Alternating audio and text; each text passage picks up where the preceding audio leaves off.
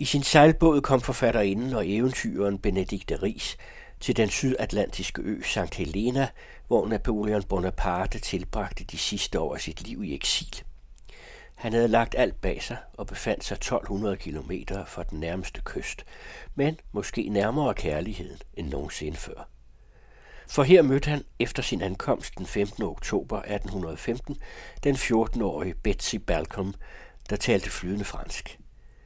De var tæt på hinanden i to måneder, som blev den lykkeligste tid i den unge kvindes liv. I et interview med journalist Peter Skel Hjort fortæller Benedikte Ries om deres forhold, som hun finder magisk, når det anskues med fordomsfri øjne. Hvordan kom du på sporet af sagen om Betsy Balcom og Napoleon? Jeg havde ikke særlig meget viden om Napoleon. Andet end at jeg synes, han, han var en spændende mand.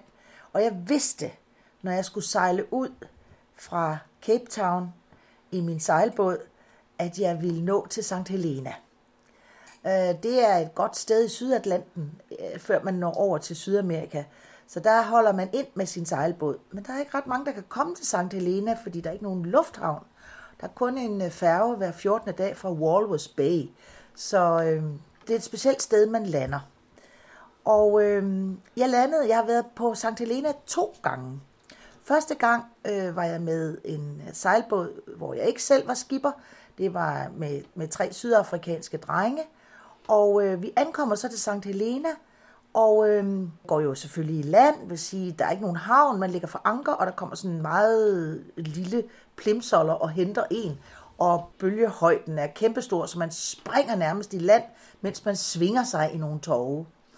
Og da vi så var kommet i land, vi har sejlet 14 dage fra Cape Town til St. Helena, jamen så står vi der på St. Helena og øh, skal orientere os. Først så skulle vi selvfølgelig i bad, og vi skulle spise og have noget at drikke, og en fuldstændig gammel hovedgade i Jamestown, som bare stod faktisk som på Napoleons tid. Det var klart, at lige med det samme, så er ens opmærksomhed på, hvad søren er det her for noget? Og så øh, varede det ikke længe, inden der kom en meget speciel udseende herre, og sagde, øh, øh, you are sailors? Yes, we are sailors. Do you want to see uh, Napoleon's houses? Og så siger han houses, og så siger jeg, yeah, what do you mean about houses? For jeg tænkte, at Longwood House var nok det eneste af Napoleons huse. Nej, nej, siger han. Der er et meget mere interessant hus. Og så aftalte vi, øh, at vi skulle med ham næste dag. Men drengene, de havde, de havde andre ting at gøre. De ville på værtshus og sådan noget. Så jeg var faktisk den eneste, der tog med den her ældre herre, som havde en gammel Chirabang-bus fra, jeg tror, 30'erne. Og øh, den havde han repareret på, og vi kørte afsted. Det er øh, kostligt syn. Og så siger han, du skal se et sted, hvor Napoleon boede, lige da han sejlede ind med Bellerophon hernede i, i bugten. Han lå omkring der, hvor du ligger nu for anker, og øh, han kom så i land her. Og øh, allerede den næste dag, der tog han sin hest og red op i bjergene. Og der møder han så Betsy Balcom. Betsy Balcom, hun er englænder, og hun er 14 år, og hun har en to år ældre søster. Og de to søskende er kommet med deres mor og far til St. Helena, for at faren skulle lave et bryggeri på St. Helena. De er blevet passet som børn i London af en fransk barnepige, så de taler flydende fransk. Og de har selvfølgelig grinet og fjollet af en, en Napoleon, der langsomt kommer til magten i Frankrig. Alle talte om Napoleon dengang i slutningen af 1700-tallet. Nu er vi jo i 1815, da han går i land. Og øh, det har jo været på alles læber med Napoleon, ligesom Hitler har været på alles læber i 30'erne i Europa. Så øh, Betsy Balcom er en Pippi Langstrømpe-agtig pige. Det er i hvert fald den konklusion, man ligesom kommer til. Men øh, jeg kom jo ind der i et nyrestaureret havehus, hvor Napoleon havde boet de to første måneder af sin tid på St. Helena. Og det havehus tilhørte The Balcoms. Der havde været en stor gård, hvor Betsy og storesøsteren havde boet, og de fik også to små øh, lillebrødre der. Men altså der, hvor faren har haft øh, sit domicil, og så lå hans bryggeri ned på havnen.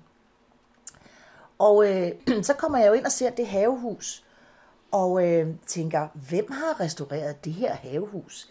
Jamen, det har så nogle efterkommere af Napoleon, fordi i det havehus har Napoleon boet i to måneder og været bedste veninde med hende der på billedet, viser ham der, den gamle mand mig. Og der er et billede af Betsy Balcom, og jeg kan ikke lade være med med det samme at tænke, okay, her er en fantastisk pige. Hvad er det, der gør indtryk på dig?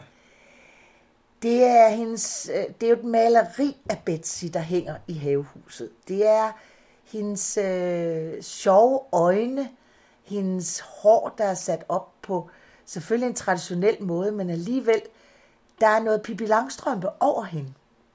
Og så er hun også meget smuk.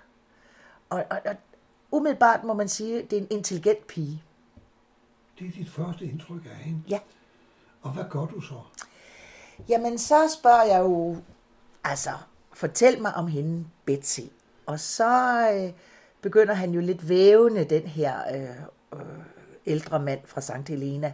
Ja, men øh, der er nogle folk, der kender til de her to måneder, hvor han boede i havehuset. Og øh, det er også derfor, at havehuset er restaureret. Og øh, man mener, at de har været meget tætte venner. Og med det samme er han sådan lidt afvigende, men øh, vi tror ikke, der er noget seksuelt i det her forhold. For Napoleon var jo i 40'erne, han var 42, da han kom til øh, St. Helena, og, og, og det, det er et kristent samfund, det er det. Så han, han er både varm og kold, da jeg spørger om Betsy. Men øh, han kan jo godt se, at nu slipper han ikke, fordi nu vil jeg blive ved med at spørge fra nu af og til vi er færdige med den her tur. Der var din nysgerrighed blevet vagt for alvor. Ja. Jeg kunne se, at der var en historie her. Hvorfor havde Napoleon øh, været i det havehus i to måneder? Hvorfor hang Betsys maleri i det havehus? Altså, der var også en kop, som han har givet hende. Der var en guitar, han har foræret hende. Altså, det var helt klart, at den her historie strålede ud af havehuset. I hvert fald til mig. Også en anden ting, det var som om, at, at Napoleon havde lejet i det hus. Da vi så senere kommer op og ser Longwood House, hvor han så øh, boede i de næste øh, seks år, jamen så var al lejen forstummet. Al den der friske energi, al den her fortælling, som var i havehuset, der var ingen fortælling i Longwood House. Tværtimod, der var forfald, der var sørgmodighed. Napoleon havde gået fra rum til rum, har ikke kunne finde hvile om natten. Tingene var på en helt anden tung, støvet, mørk måde derop. Det vil sige, du altså ligesom oplever, at der i det havehus, hvor Napoleon har været og mødt Betsy, at der bliver et helt andet kraftfelt. Fuldstændig. Og et meget stærkt kraftfelt. Et meget stærkt kraftfelt. Er det der, du beslutter dig for, at du vil researche dybere ind i det her? Vi er jo på St. Helena nogle dage, og det viser sig, at på St. Helena ligger det ældste bibliotek syd for ekvator. Og der går jeg selvfølgelig hen og møder en meget levende bibliotekardame. Og jeg spørger straks ind, og hun siger, åh ja, det her er jo en spændende historie, og vi har ikke så mange kilder. Og øh, hun starter næsten med at fortælle, at de har ikke haft noget seksuelt forhold. Det, der, det var alle meget, meget øh, bestemt på, at, at, at der, der var ikke noget her. Men de havde leget, det var hun helt sikker på, og de har reddet sammen, og øh, familierne har haft det sjovt i to måneder. Og øh, hvorfor de to måneder ender, og hvordan det hele hænger sammen, finder jeg først ud af, da jeg kommer tilbage til Danmark. Og finder ud af, at den der meget, meget skrappe leder til øen efter to måneder. Og der er Longwood House bygget færdig til Napoleon.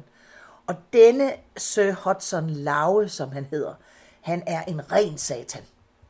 Og det er ham, der sådan set slår Napoleon ihjel, tror jeg. Altså han er så nederdrægtig, og ham kender de hjemme i England. og sender ham netop ned for fuldstændig at afvæbne Napoleon.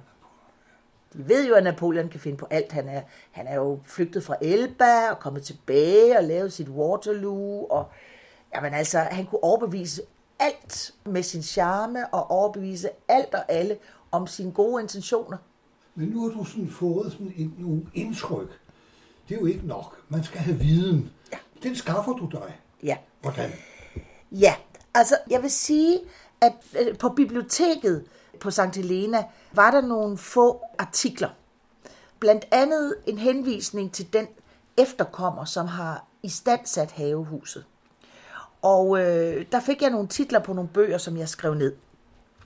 Og så talte jeg med en, der passede huset derop, for jeg kørte derop næste dag også, Jeg fik en taxa til at køre mig derop. Det ligger jo vidunderligt, det der havehus. Helt vidunderligt. Øh, med det hjerteformede vandfald til den ene side og udsigt over hele Jamestown, men løftet op øh, sådan at det der regnfulde, øh, som, som slår ind på siden af klipperne, er ligesom, man er over skyerne der, hvor, hvor øh, havehuset ligger.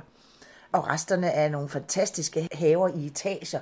Det, det er et meget, meget godt sted, hvor øh, Longwood House er et meget, meget dårligt sted, og regnfuldt og dårligt klima osv. Så, videre. så det jeg gør, da vi sejler derfra, og der er jeg jo sammen på en sejlbåd med tre sydafrikanske drenge.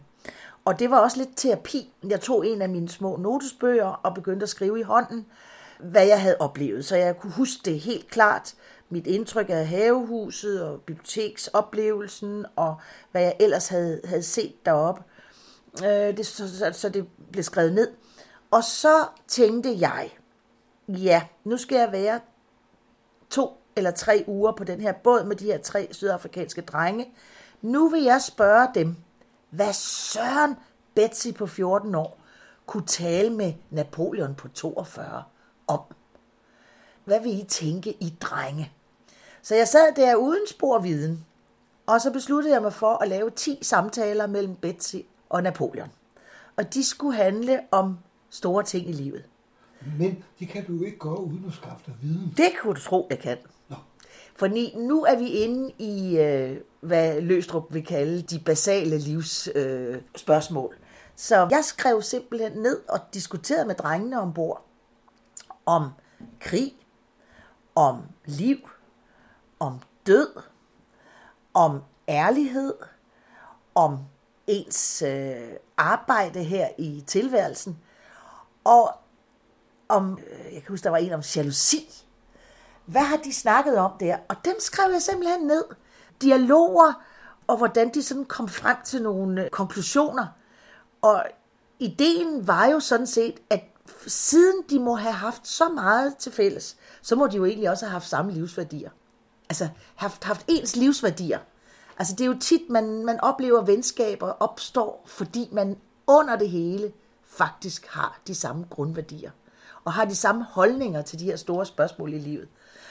Og da så jeg havde skrevet ned, og drengene ombord, de tog jo del, og jeg læste højt for dem, og jeg har stadigvæk den bog med bitte, bitte lille skrift, og også samtidig med nogle ordentlige saltvandssprøjt ind over, for jeg sad i cockpittet og skrev, jamen så havde jeg sådan set en spændende diskussion omkring nogle meget store emner i tilværelsen. Så kommer jeg tilbage til Æbeltoft. Turen er slut. Vi sluttede på Trinidad Tobago. Og jeg fløj hjem til Æbeltoft og går ned på biblioteket. Og viser den unge bibliotekar min notesbog og siger, der er altså sket noget mærkeligt her. Jeg er faldet over en historie. Jeg ved det og det og det, og det er meget lidt om Napoleon. Men jeg har nu skrevet de her forskellige dialoger ned. Jamen, jeg skal finde, hvad jeg kan om Napoleon. Og så gik han i gang. Og så var jeg jo nede allerede efter få dage, så fik jeg en masse litteratur om Napoleons krigsførelser og hele hans liv øh, i Frankrig, og øh, også beskrivelser af St. Helena, beskrivelser af Elba, men altså ikke ret meget om Betsy Balcom. Hun er nævnt, og hun er nævnt som øh, en, en pige, han møder i starten, havehuset og hans, hans venskab med, med Balcom-familien er nævnt. Og det er også nævnt sådan i en sidebemærkning, at de red sammen, og de, han havde en sorgløs tid i de to måneder før Sir Hudson Lowe ankom. Og så øh, fitter jeg lidt rundt i den der litteratur, og kan ikke rigtig få tingene til at hænge sammen, fordi øh, alt det der krigsbeskrivelse, øh, det, det er ligesom det er set fra en helt anden synsvinkel. Det er nogle helt andre idéer, øh, og det er mandlige øh, skribenter, og det er slet ikke nogen, der ligesom vil have øh, øje for Napoleons evne til at lege, Napoleons evne til at være barn igen, Napoleons evne til at være super kreativ, og Napoleons evne til måske at blive vildt forelsket. Og det er den, jeg er ude efter. Jeg fisker lidt efter. Og selvfølgelig skal man jo altid prøve at fiske med fornuften og med, med, med den viden, man har. Og jeg synes, jeg kan se det. Jeg kan se det billede bagved. Og pludselig ringer bibliotekaren til mig og siger, hey, jeg har fundet Betsy Balcoms dagbog. Den er trygt i ganske få eksemplarer, og der er kun to eksemplarer tilbage. Den ene ligger i Narvik Bibliotek. Den anden ligger i London Department for Rare Books. Hvor vil du helst hen, siger han. han, har, han prøver at bestille dem begge to, og den kan ikke komme ud af London, og den op i Narvik er ikke eksisterende. Nå, så tænker jeg, jamen jeg, jeg tager en tur til London. Og jeg kan huske, at jeg havde super travlt på det tidspunkt, så jeg kunne flyve over om morgenen og hjem om aftenen. Jeg taler med dem derovre, de siger, have et foto klar. Så får du sådan en uh, du, identitetskort, så du kan komme ned i kælderen til Department of Rare Books. Og jeg flyver over om morgenen, tager en taxa til uh, statsbiblioteket der i London, og uh, kommer ned i kælderen. Alle er meget, meget fornuftige og forklaret nøjagtigt, hvad jeg har brug for den her dagbog. Og øh, efter at være kommet igennem, blive fotograferet og øh, finger, fingerprints og hele dutten, så kommer jeg ned i en meget, meget gammelt, gammeldags udseende bibliotek, og jeg får en plads og en stol, og så kommer der en mand med hvide handsker med en mappe, og inde i den mappe er der en meget læset udgave af en trygt, godt nok trygt dagbog. Og så begynder jeg jo at læse. Jeg tænker, jeg glemmer tid og sted og går i gang. Og der er en beskrivelse af, hvordan Betsy møder Napoleon. Hvordan hun med det samme bonder med ham. Hvordan hun tager ham hjem til te. Hvordan hendes mor inviterer ham til at bo i havehuset. Og hvordan han hver morgen siger, Betsy, Betsy, og så tager hun over til ham, og der sker noget nyt hver dag. Det er de bedste to måneder i Betsys liv. Hun skriver først den her dagbog øh, 25 år efter. Hun er fuldstændig sikkert blevet ramt af lynet. Det er en energistrøm, som er fuldkommen out of this world. Er det en kærlighedsaffære? Det er det. Det er det. Hun har ikke vidst, at det var en kærlighedsaffære, tror jeg. Og alligevel har hun nok været mere moden end så mange andre 14-årige nu er vi jo altså i, i 1815, ikke også? Og det vil sige, at også fra Frankrig er der jo øh, spændende og nette historier om konebytteri og babserne ud af kjolerne, og altså, så snart pigerne, de øh, øh, var, var i fuld højde, jamen så var de jo kønsmodne, så var det jo bare af. Så jeg tror, at den der øh, viktorianske holdning, det er en, der er kommet efter øh, de holder på, på, på historien på St. Helena, fordi det er resten af en eller anden viktoriansk kristen øh, holdning, som ikke var på Napoleons tid. Nej, og vi kan vel ikke anskue en relation med vortids øjne og vortids værdier. Nej. Altså dengang var man meget mere moden formentlig, ja. når man var 14 år, ja. end man er i dag. Ja. Og øh, Napoleon var kun 42 år. Ja. Der er altså næsten.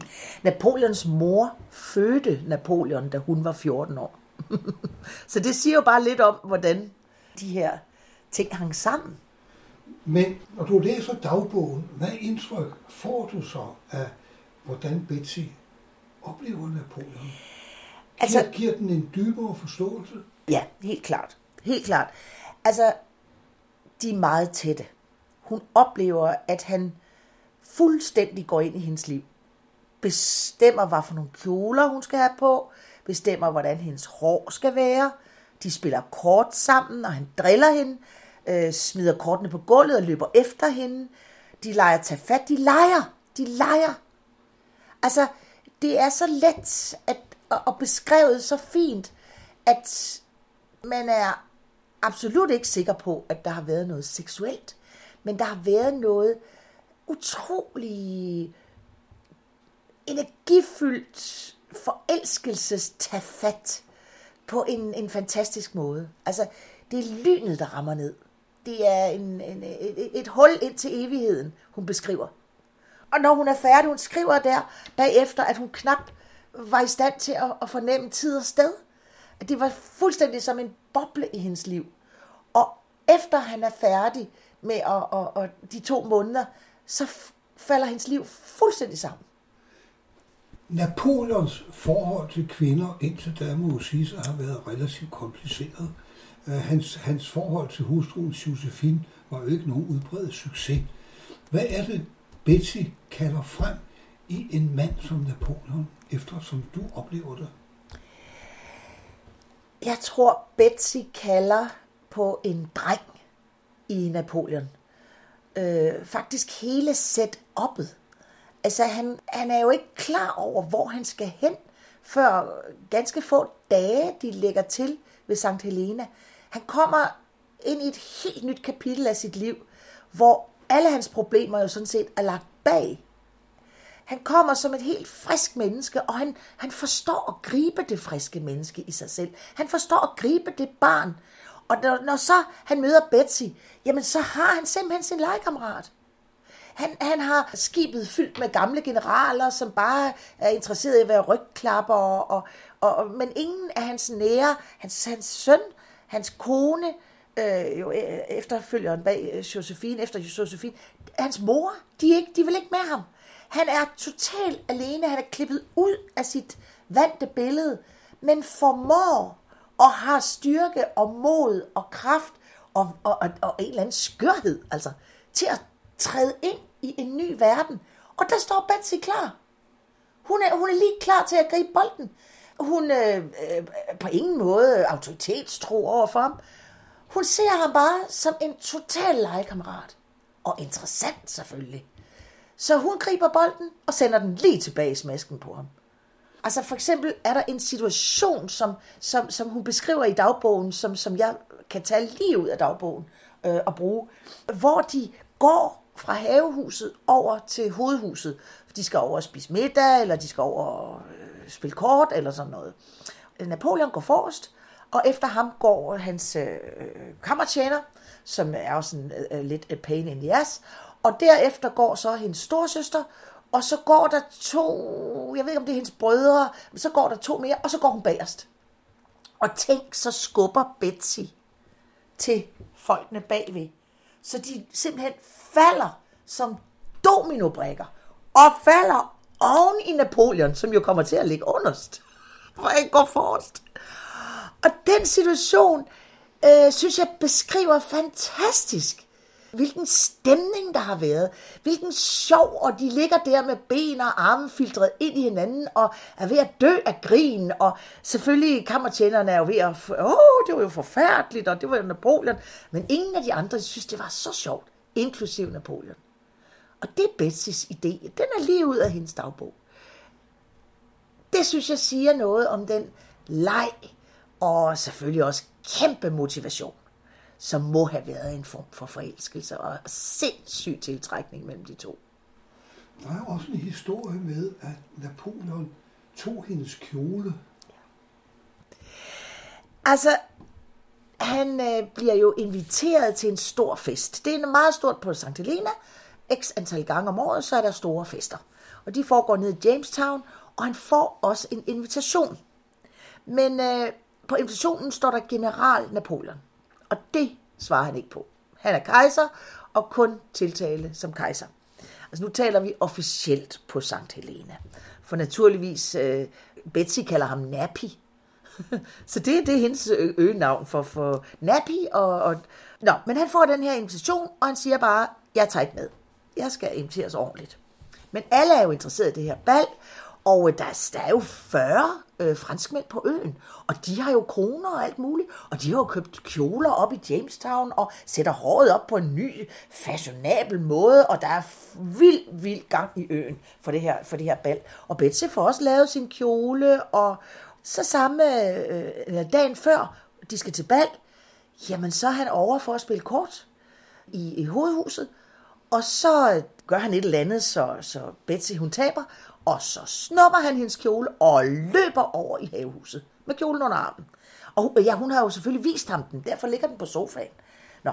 Og så kommer han over i huset, og det her beskriver hun altså ord for ord i, i, i sin dagbog. Han kommer over i huset, og så lukker han dørene og vinduerne. Skodderne, bum, bum, bum. Og hun banker jo på. Ej, altså, fordi hun er godt klar over, når hun leger med Napoleon, så, så er det sådan set en form for alvorlig leg. Han har engang tvunget hende til at spise en hel chokoladekage, som hun var brækket sig over bagefter, fordi hun skulle bare spise. Han madede hende med den. Så han er godt, hun er godt klar over, at det her, det er ikke bare leg. Der er en hele tiden noget fare, der venter i horisonten, og det gør han jo ikke mindre interesseret. Så han snupper kjolen, hun banker og banker og beder ham og græder og gør ting og sager. Han er nødt til at gå tilbage til huset, sove om natten, næste morgen starter hun igen. Der er lukket og slukket. Hun kan ikke komme derind. Hun finder en plan B. Hun kan muligvis tage en anden kjole med. Hestevognen er kørt op. Hendes søster kommer, og dengang tager man kjolerne med i sådan en lille kuffert eller taske, eller jeg ved ikke hvad. Og så det tager man så med ned til balstedet, og så gør man sig klar dernede. Men hendes kuffert er tom. Øh, Napoleon har hendes kjole. Hun tager en anden kjole i kufferten, og de stiger på øh, hestevognen og så åbner dørene sig, og Napoleon kommer løbende ud med kjolen i favnen, og øh, følger dem. Hun får sin kjole, den bliver pakket ned i kufferten, og han går ved siden af karetten ned ad vejen og følger dem på vej. Helt klart, altså for at følge Betsy på vej. Øh, hendes forældre har jo set det der. Og, og han er så langt henne, han, han er godt klar over, at den her bliver ikke ved med at gå. Så det er jo også en sørgelig aften for ham. Han ved, at snart stopper det her øh, frie liv, han har. Så han følger dem på vej, og på et tidspunkt, så går han tilbage. Og det er jo så der, man ikke ved, hvad der så er sket bagefter. Men du fortalte, at han havde gjort noget ved kjolen.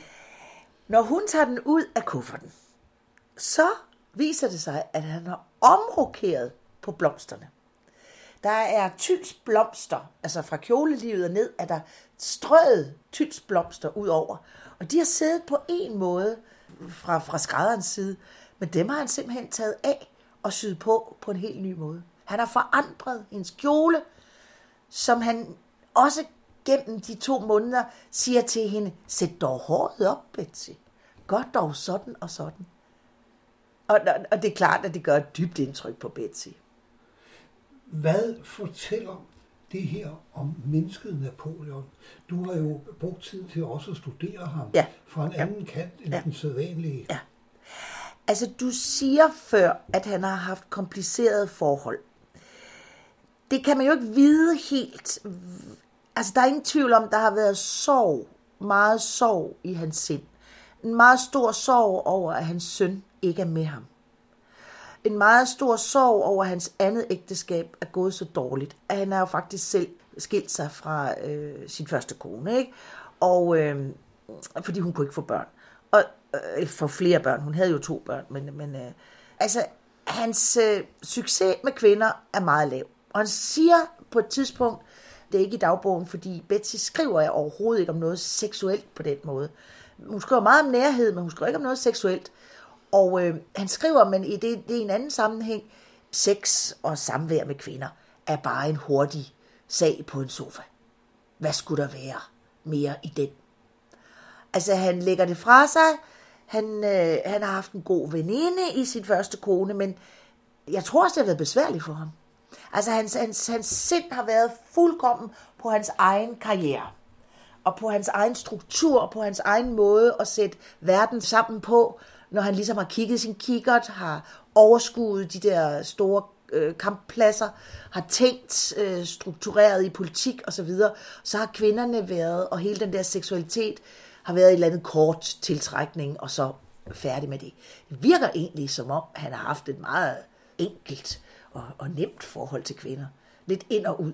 Lidt materialistisk sådan i den form. Fordi de har muligvis aldrig nået ned til den Napoleon. Men det gør Betsy, tror jeg. Hun har simpelthen også hele den der, øh, forstå mig ret på den bedste måde, romantiske del af kærligheden. Den står hun simpelthen og, og giver ham lige foran næsen. Tror du, at det er første gang, at Napoleon egentlig får dybere kontakt med sine indre følelser? Ja, det er jeg næsten sikker på. Han har jo ikke haft nogen barndom. Han, han har altid skulle forsørge de mindre søskende. Øh, de har været sindssygt fattige i hans familie. Og, øh, og, og, og senere har han skulle kæmpe sig vej. Han har ikke været ret høj, han har ikke været særlig sådan bolig, han har ikke haft nogen familie, der har, har, har, har, har det har ikke, han har ikke været særlig, hvad skal man sige, hans navn har ikke været noget særligt i, i, i, i, i øh, militærkredser. Han har skulle kæmpe og kæmpe og kæmpe og kæmpe, og pludselig, så får han jo den sejltur fra England til St. Helena, Øh, jeg mener, det er 40 dage, det tager at sejle derned. Og, og der falder han jo fuldstændig ned. Og det vil sige, og når han... han alt det der bag ja. sig på en eller anden måde, ja. og han ved, han kan vende tilbage til det. Han ved det. Han, han, han, altså, han gør en dyd ud af nødvendigheden på en eller anden måde.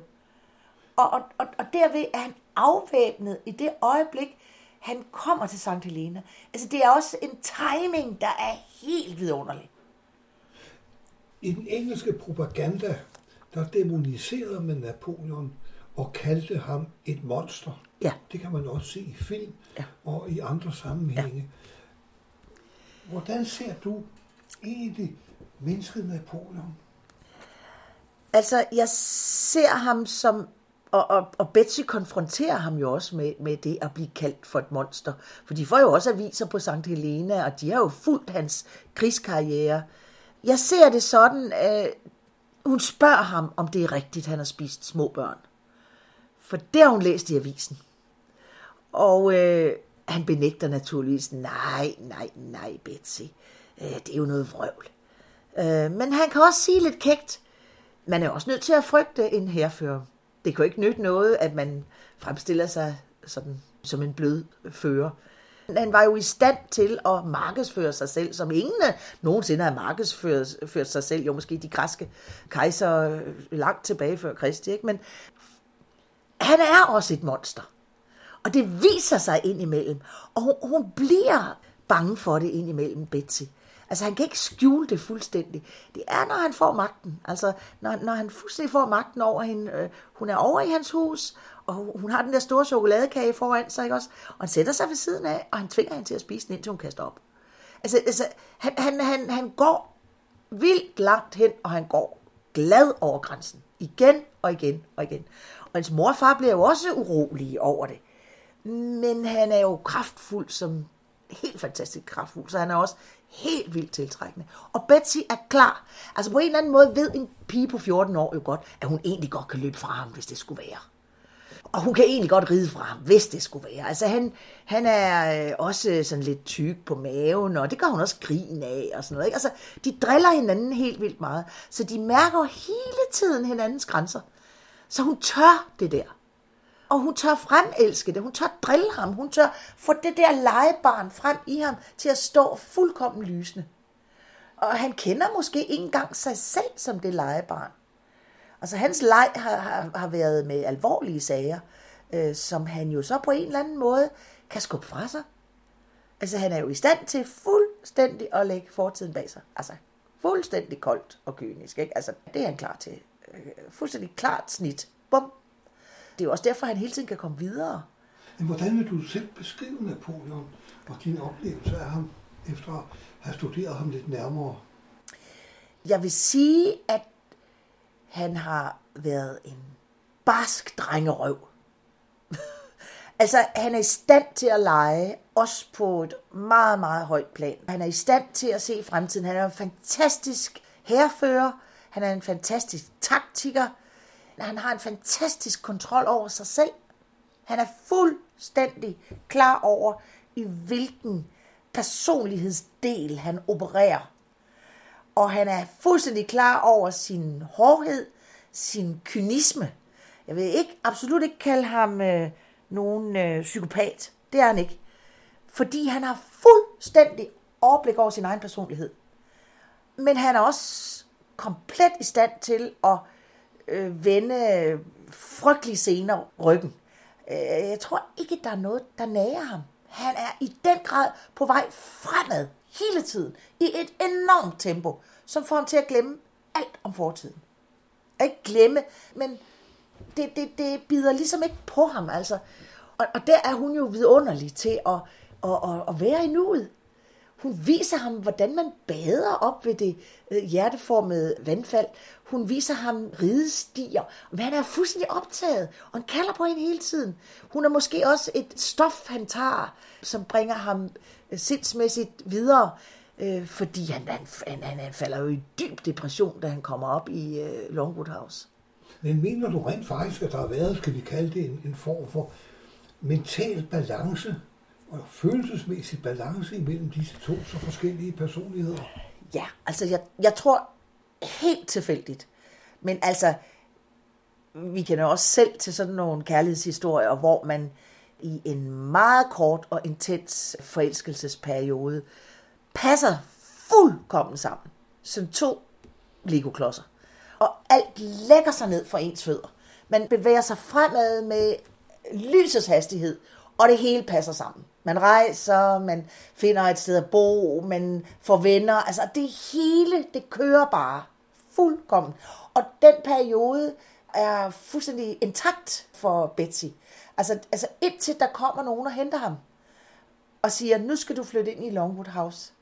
Det er som to måneder skåret fuldkommen ud af al fornuft på en eller anden måde. Ellers så er det der, øh, Napoleon finder sin fornuft for første gang, finder sin drengehed, får lov til at være et ganske almindeligt menneske måske.